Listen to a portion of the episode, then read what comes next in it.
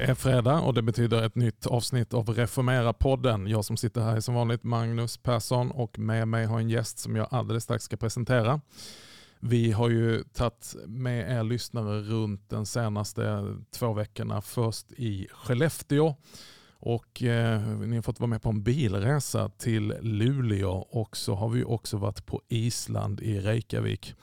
Nu är vi tillbaka i Uppsala och Sollentuna tror jag. Det är nämligen så här att på länk så har jag en eh, gäst som det ska bli väldigt kul att fortsätta prata om det här temat som vi kör några avsnitt om barn, ungdomar, kristen tro och kyrka. Ett stort välkommen till Jeanette Ingemarsson.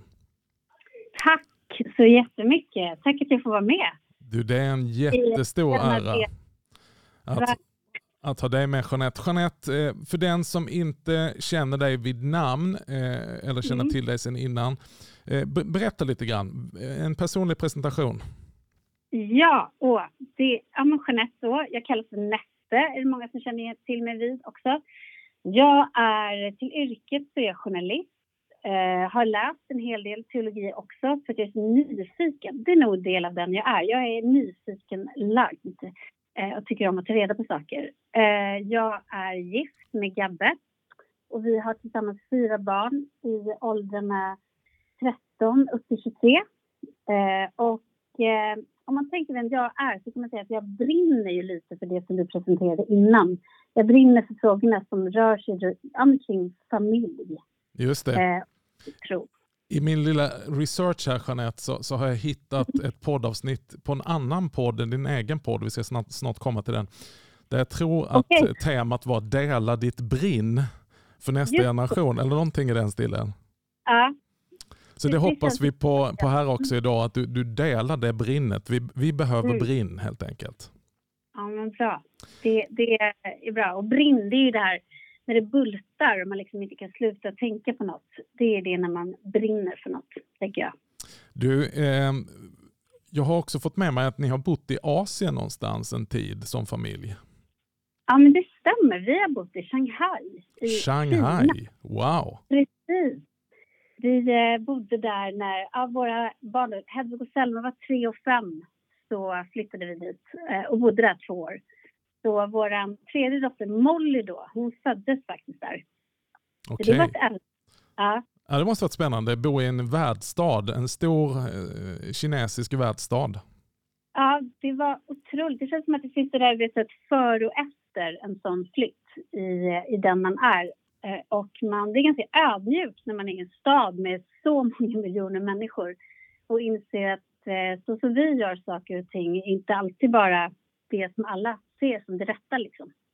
Spännande, ger eh, annorlunda perspektiv. Mm. du Jeanette, du är ju verkligen i ropet tillsammans med din man Gabbe och tillsammans med en kollega som du har författat en bok med. Men om vi tar mm. det i turordning så har ni under en ganska, jag vet inte hur många år, kört podden Föräldrapeppen. Precis, det stämmer. Berätta lite kort om den podden. Var hittar man den? Ja, du hittar den naturligtvis överallt där poddar finns, men den, den görs i, i samarbete med tidningen Dagen bland annat va? Ja, men det stämmer. Den, den finns där poddar finns. Den heter Föräldrapeppen med Nette och Gabbe då. Eh, och eh, vi, eh, ja men som familj, om man börjar lite där, så har ju vi haft musik omkring oss väldigt mycket. Eh, våra döttrar, Hedvig och Selma, spelade in lite så här kristen barnmusik. Så vi har liksom varit runt, förutom våra yrken, och turnerat mycket runt om i, i hela Sverige, mm. Och i det så träffade vi otroligt mycket familjer, föräldrar, men även vi fick ju stångas lite som familj när vi skulle ut och göra de här grejerna. Mm. Så någonstans började vi fundera på vad, vad, vad leder det här till? Hur pratar vi tro? Vad betyder det för oss? Hur är det på riktigt? Eh, och då fick vi just frågan, tänk om vi skulle starta en podd kring det här. För vi insåg att det här är inga lätta frågor och det är många som brottas med att det inte är så enkelt, eh, helt enkelt. Nej, så där började ni gör det med den äran. Det finns, eh, tror jag, 43 avsnitt som ligger ute med podden. Eh, ja. Kan det stämma? Ja, jag bara skrattar typ. Du bara, hur många år, hur många avsnitt? Jag har liksom ingen koll, men jag tycker att det låter väldigt rimligt. Jag säger ja. Men vi, vi säger till alla som lyssnar att eh, jag rekommenderar starkt gå in och lyssna på Föräldrapeppen med Nette och Gabbe. Eh, roliga avsnitt, tänkvärda avsnitt och vad jag tycker om det är att det inte är så präktigt. Det, det kan ju bli en känslig mm. fråga det här, vet jag som pastor under många år och präst. Att mm.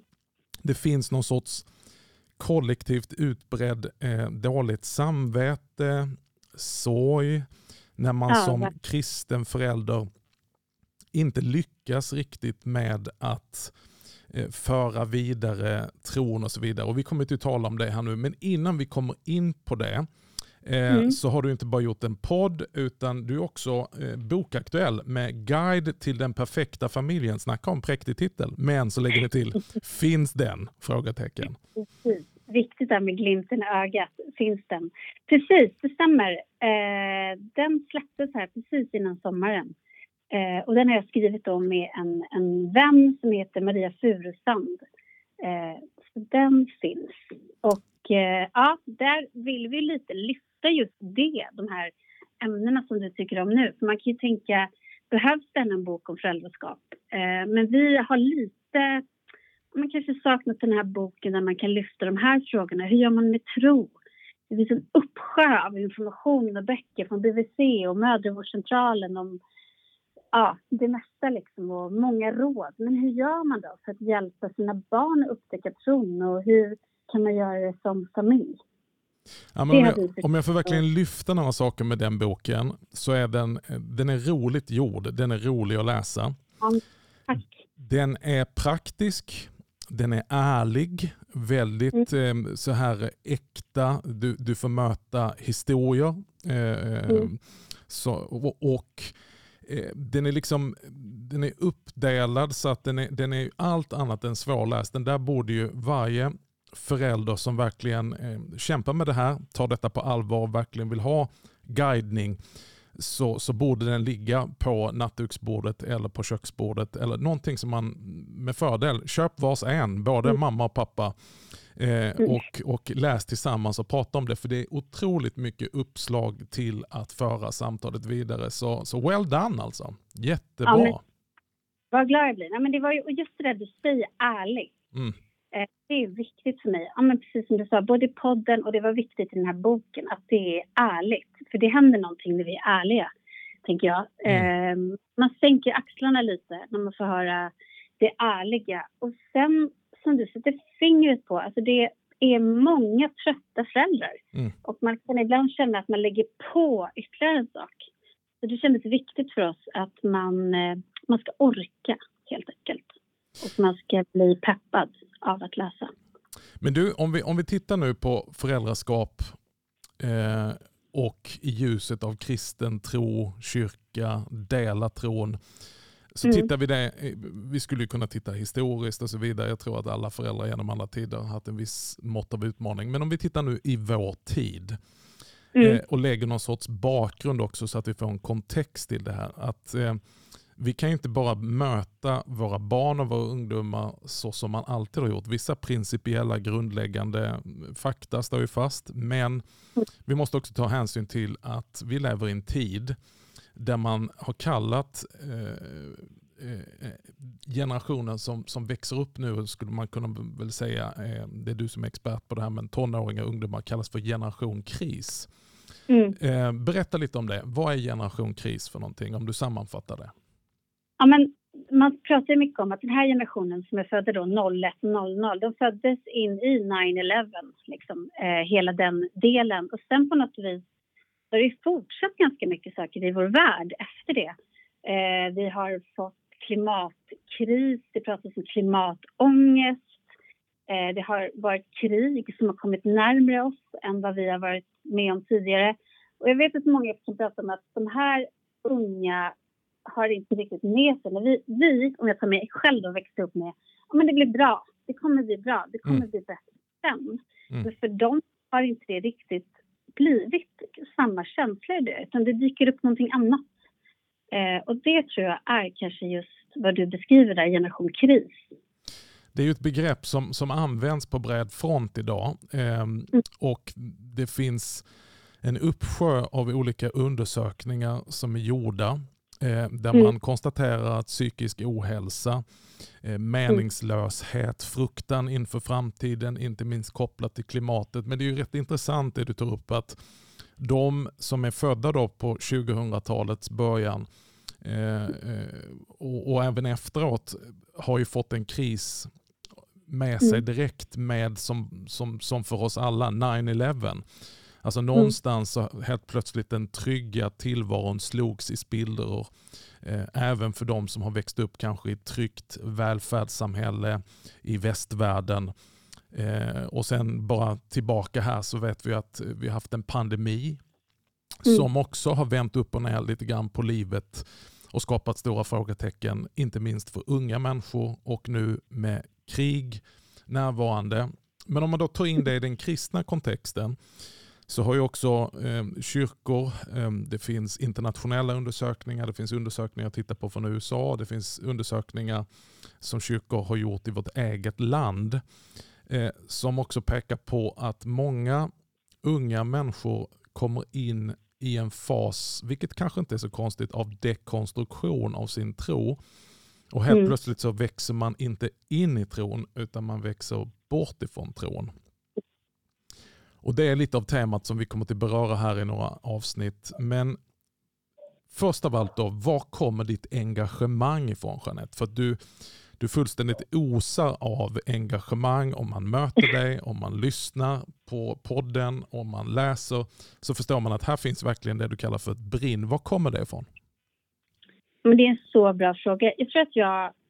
Jag tänker just att om jag inte hade haft med mig... Livet har inte varit, varit perfekt. Det har, hänt, det har hänt saker som gör att det kan kännas tungt. Men om jag inte hade haft med mig min tro, om jag inte hade haft med mig Gud, vad hade jag haft då? Mm. Lite som du pratar om meningslöshet och alla de här. Eller man hade gått och levt i den här världen och tänkt att som min son fick höra typ, ja men tänk om man hade levt mamma i den här världen så hade det varit punkt. Mm. Som om jag tänkte. Jag tänker liksom att, att vi behöver dela det mer. Och lite kan jag tänka att vi har på något vis vi, vi, ber, vi behöver ut med det mer och dela det bland dem vi lever med. För det, jag tror att våra barn, som du beskriver lite, har växt upp med att vi är så vana vid att man inte delar det privata. Och där delar vi inte heller det vi tror på. Eh, det blir liksom inte riktigt en naturlig del av dem det är. Och det är mm. kanske där brinn ligger i. Att jag vill kanske leva ett helt liv eh, på alla sätt och där jag är och mm. inspirera till. Och visa på, inte att man är en perfekt familj utan snarare på att vi har en, en stor Gud som är med oss i alla livets säsonger. Det här med föräldraskap, eh, jag vet inte, jag tror du håller med mig Jeanette, men det, det, är också någonting ödmjukande att bli förälder. De flesta ja. vet ju exakt eh, hur den perfekta föräldern ser ut när man mm. själv mm. inte är förälder. Man mm. kan utvärdera sin egen uppväxt och det behöver inte vara något fel med det. Och så kan man vara lite kritisk och så kan man tänka att så där ska jag aldrig göra utan jag ska vara så mm. här. Mm. Och så här är en bra förälder. Men det är ju otroligt ödmjukande att sen då få egna barn. Jag brukar skoja och säga att om du tror du är perfekt, gift dig. Om du fortfarande tror att du är perfekt, skaffa barn. Eller hur? För det är, det är inte bara så att vi formar våra barn utan, utan barnen gör ju någonting med oss vuxna också. Eh, så, så jag tänker det här med engagemanget. Du har fyra barn då. Eh, vad sa du? Utspridda mellan 23 och 13 sa du va? Ja, precis. Eh, så jag tänker att det där måste ju finnas otroligt mycket att, att gräva i och ösa ur av erfarenheter, misslyckanden och det som har fungerat. Ja, det gör det ju. Och jag tänker lite att, men, att familj generellt kan ju lätt bli ett samlingsnamn för vardagspussel, planering, dåligt samvete och så vidare och en, mycket stress liksom. Eh, så därför tänker jag att i allt det här vi pratar om så behöver vi prata om tänk, vad, vilken familj vill vi vara? Vad är mm. viktigt för oss? Eh, och vissa tider och perioder som du beskriver, då är det småbarnsträsk och man sover ingenting och, och, och, det kan bli väldigt överväldigande. Och sen kommer en tid då man har annan oro kring sina barn och de ska hitta sina vägar och sådär. Men i allt det vi gör kan ibland slå oss över att vi är väldigt engagerade i i våra barns skolor, vi är engagerade i alla steg de tar, allt de gör. Men ibland när det kommer till kyrka och tro, då är det som att vi bara vill att det ska, fungera. Ja, men det ska bara fungera. Mm. Eh, man släpper dem vid, vid barnverksamheten och tänker nu får det bara gå så jag hinner gå på mitt. Mm.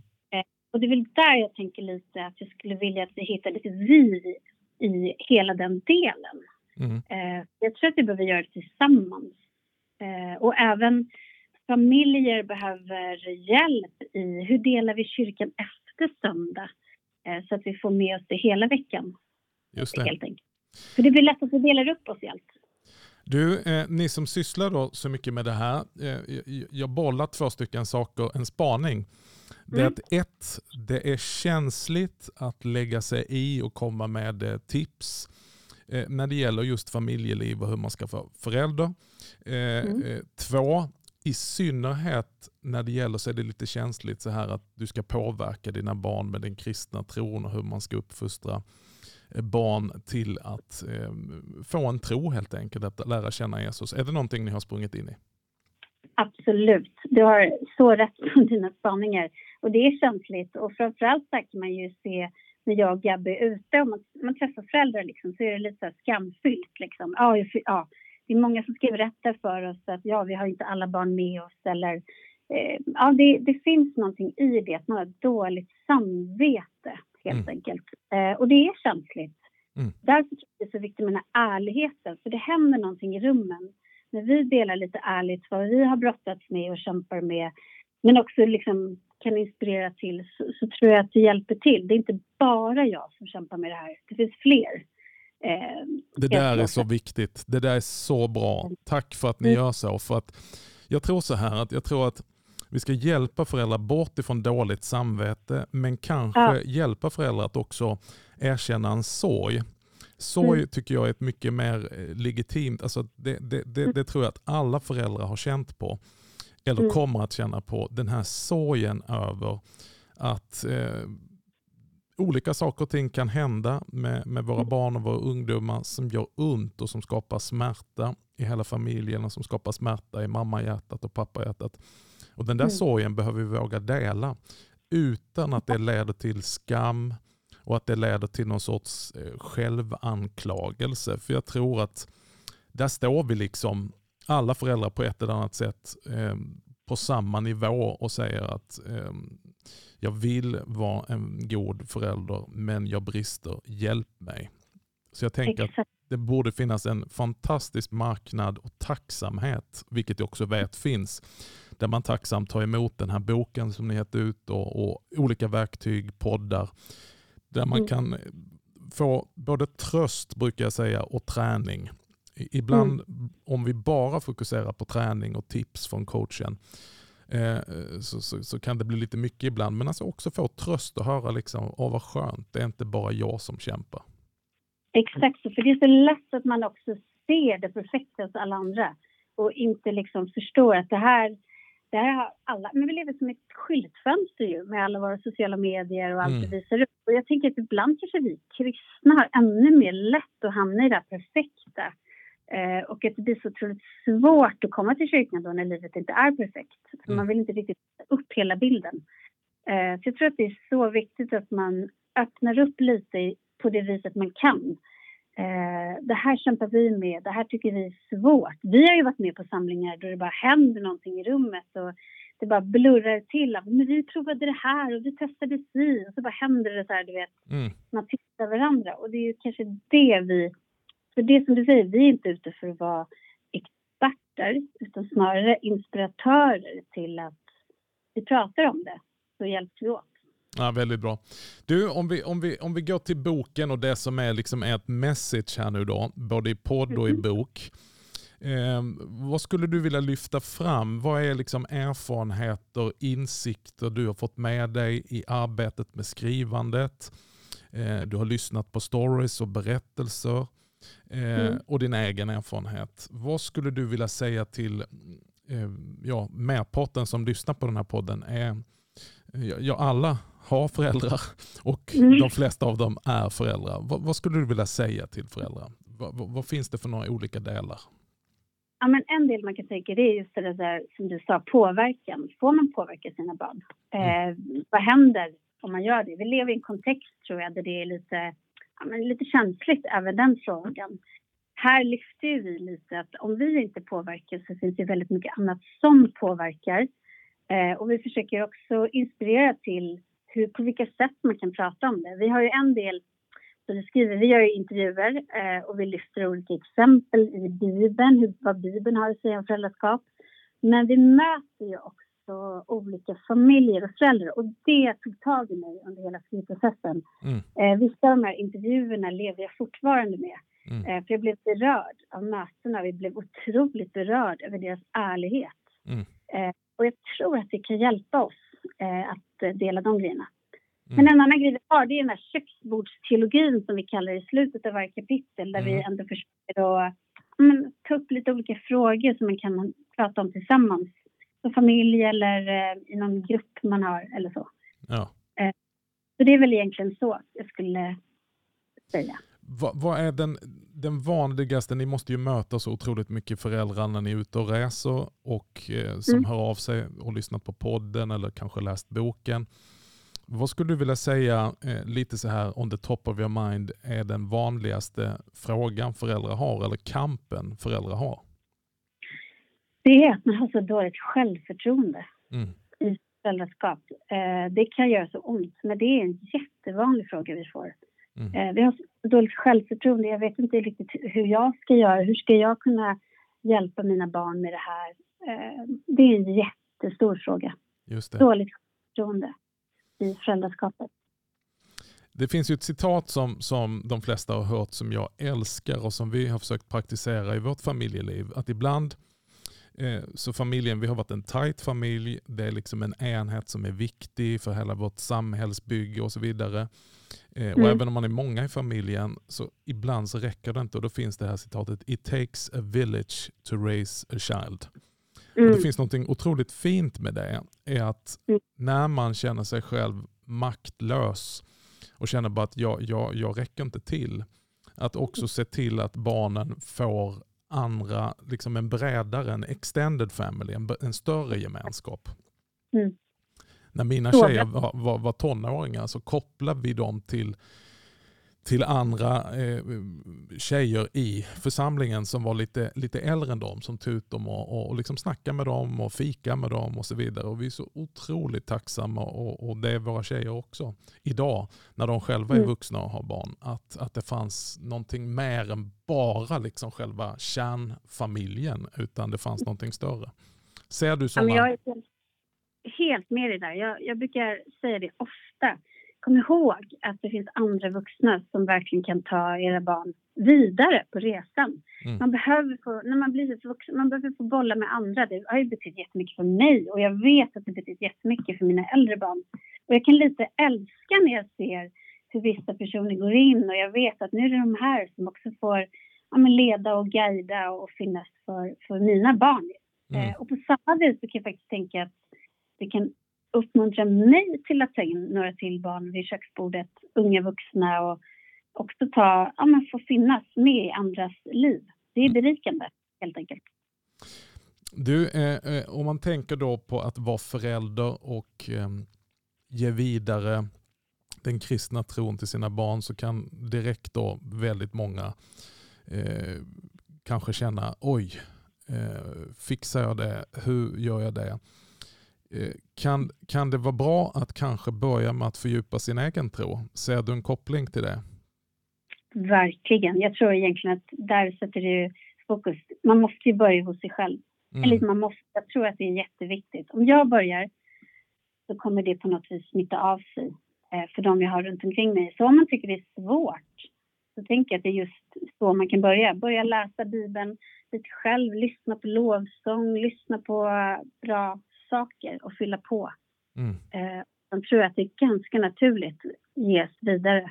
Det är också en fråga vi kan få från många som kanske inte lever i, eh, ja, men i relationer där det är givet hur man vill dela tron. Mm.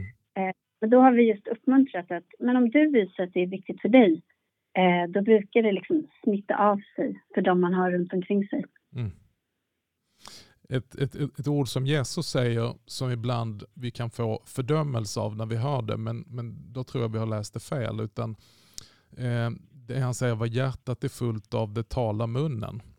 Mm. Och ibland brukar jag säga till föräldrar att ja, men, var inte så upptagen av hur du ska säga, utan se till att ditt eget hjärta blir träffat av Jesu kärlek. Att du mm. själv i ditt hjärta eh, blir fäst vid Jesus och vad han har gjort för dig så är det nästan omöjligt att inte på ett väldigt autentiskt och verkligt och spontant sätt dela det vid olika tillfällen när man sitter vid köksbordet och så vidare. Och Jag tror att där har vi en utmaning idag som kristen mm. folk. Att det är lätt att peka på våra barn och säga varför går du inte i kyrkan, varför tar du inte din tro på allvar? Men mm. vi kanske ska börja med oss själva. Eller hur? Och våga släppa lite på garden vill jag säga och dela det som också är svårt Exakt. med barn. För att det gör det lättare för dem på sin resa. Mm. Du, eh, jag kastar ut en annan fråga till dig Jeanette. Du som mm. ni, ni, har rest runt och, och, varit i olika sammanhang och på konferenser och, och sett olika kyrkor. Varför tror du att eh, vi som kyrkor idag oavsett samfund har en utmaning med barn och ungdomar? Jag tror att vi, eh, jag tror att vi behöver jobba med vår form, har jag tänkt mycket på. Vi har mm. skapat en form kring kyrkan där jag inte tror att alla på samma givna sätt känner sig hemma. Mm. Eh, det tror jag. Vi skulle behöva jobba på formen eh, och ett inkluderande mm. så att man vi liksom får fler och vara med och vara delaktiga. Jag tror också att vi behöver eh, vända på lite stenar här och våga göra lite nya steg kring det helt enkelt. Det var ju som en av de här som jag pratade om i boken som ändå kunde uttrycka att när hennes barn valde att inte då vara kvar i kyrkan så var det väldigt många som ville hjälpa till och ge ledarroller och annat. Och hon uttryckte till mig med tårar. Bara, men, men alltså jag vill, mina barn vill inte leda, de vill bara komma som de är. Mm.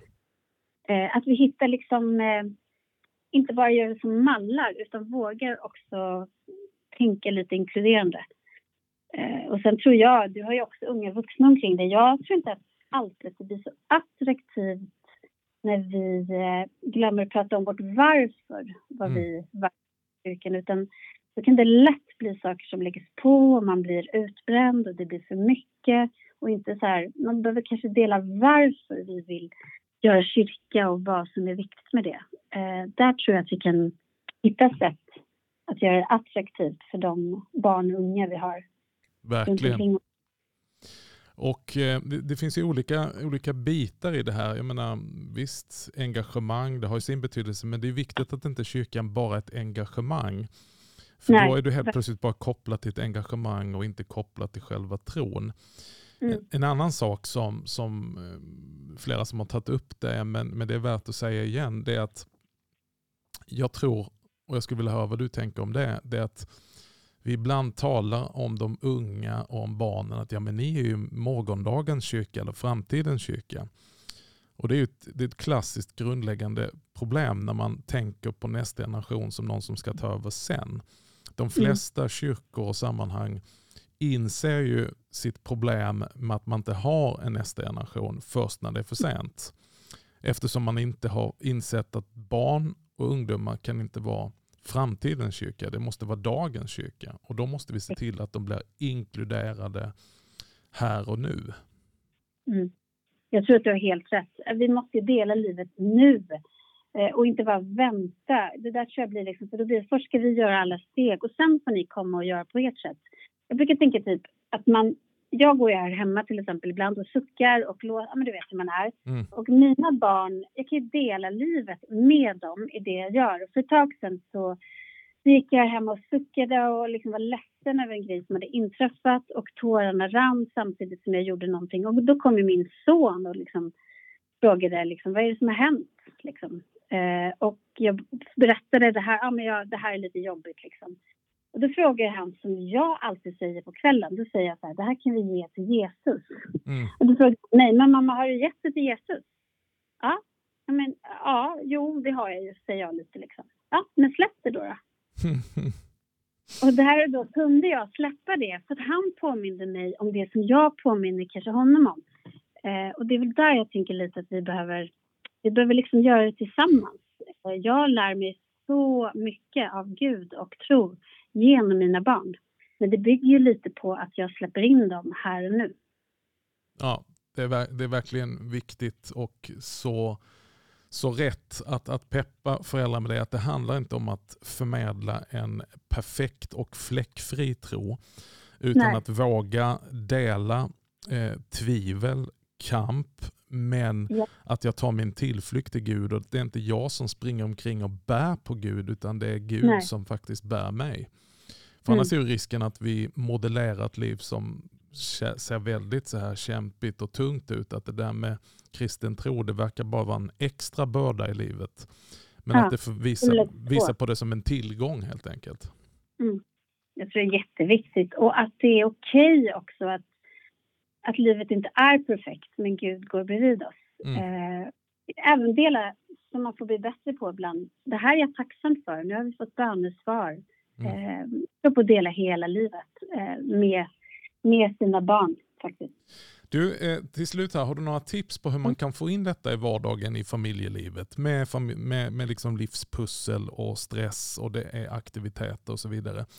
Vad, vad har ni mm. lärt er, praktiserat och, och, och, mött för några tips hur man kan få in det genom vid matbordet eller vid måltider eller myskvällar? Hur, hur gör ni?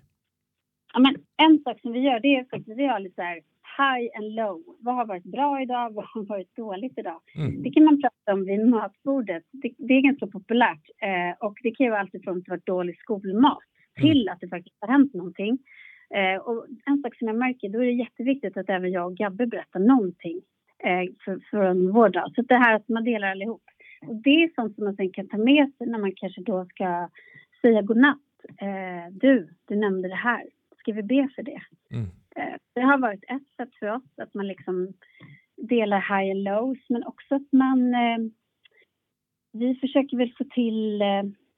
Eh, man kanske lyssnar på bra musik när man lagar mat, sätter på någon lovsång när middagen ska till. Eller man hittar sina tillfällen. Eller man åker bil och då passar vi på och ber till Jesus eh, mm. på väg till skolan. Jag försöker mycket fånga det här och nu. Mm. Eh, annars skulle jag kvävas i att det blir för mycket. Jag skulle inte hinna med och jag skulle bara få dåligt samvete och känna att jag liksom blir en dålig förälder. Så för mig handlar det mycket om fånga det här och nu. Ja, jättebra.